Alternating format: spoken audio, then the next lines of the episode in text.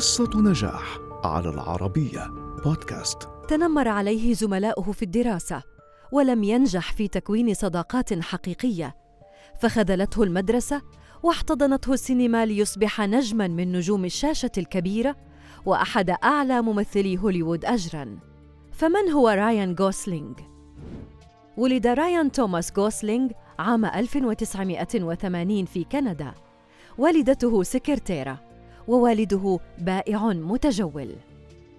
أثناء مرحلة الدراسة الابتدائية عاش ريان معاناة كبيرة حيث قام أصدقاؤه بالمدرسة بتخويفه مرارا. فلم ينجح في تكوين صداقات وكان يعاني من صعوبة في التركيز أثناء الفصل استنادا لإصابته بأعراض اضطراب فرط الحركة ونقص الانتباه. كما أنه بلغ العاشرة وهو يعاني من صعوبة في القراءة. كما انفصل والداه وهو في الثالثة عشرة فقررت والدة ريان ترك وظيفتها وتعليمه في المنزل.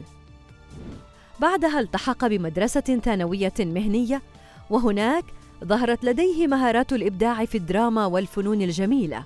ولأنه لم يغرم بالدراسة فقد بدأ شق طريقه نحو عالم الفن وبدأ يبحث عن الفرص حتى تمكن من التقديم كمغن في برنامج مسابقات ماندي للمواهب.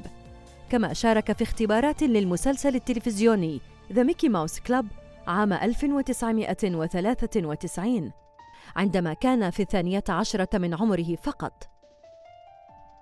ووقع حينها عقدا للعمل ضمن المسلسل لمدة عامين بدور ماوس كتير وحينها انتقل إلى ولاية فلوريدا.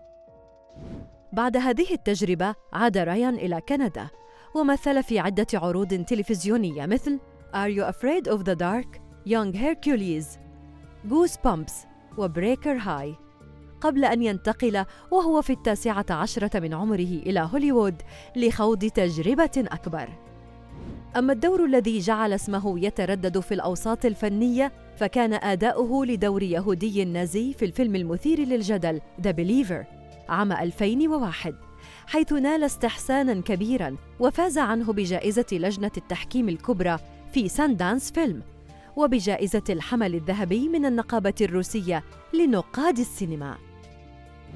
في عام 2002 كان يؤدي دور البطولة في فيلم Murder by Numbers وهو الفيلم الذي حقق 56 مليون دولار وشكل بداية لمسيرته المهنية الحافلة.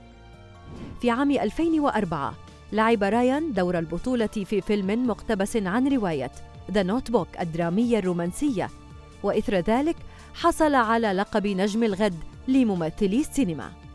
وصل رايان إلى قمة مهنته بأدائه في فيلم Half Nelson عام 2006 ثم توالت الأدوار الناجحة له فظهر في العديد من الأفلام المتميزة مثل Moneyball The Wolf of the Wall Street The Danish Girl The Theory of Everything.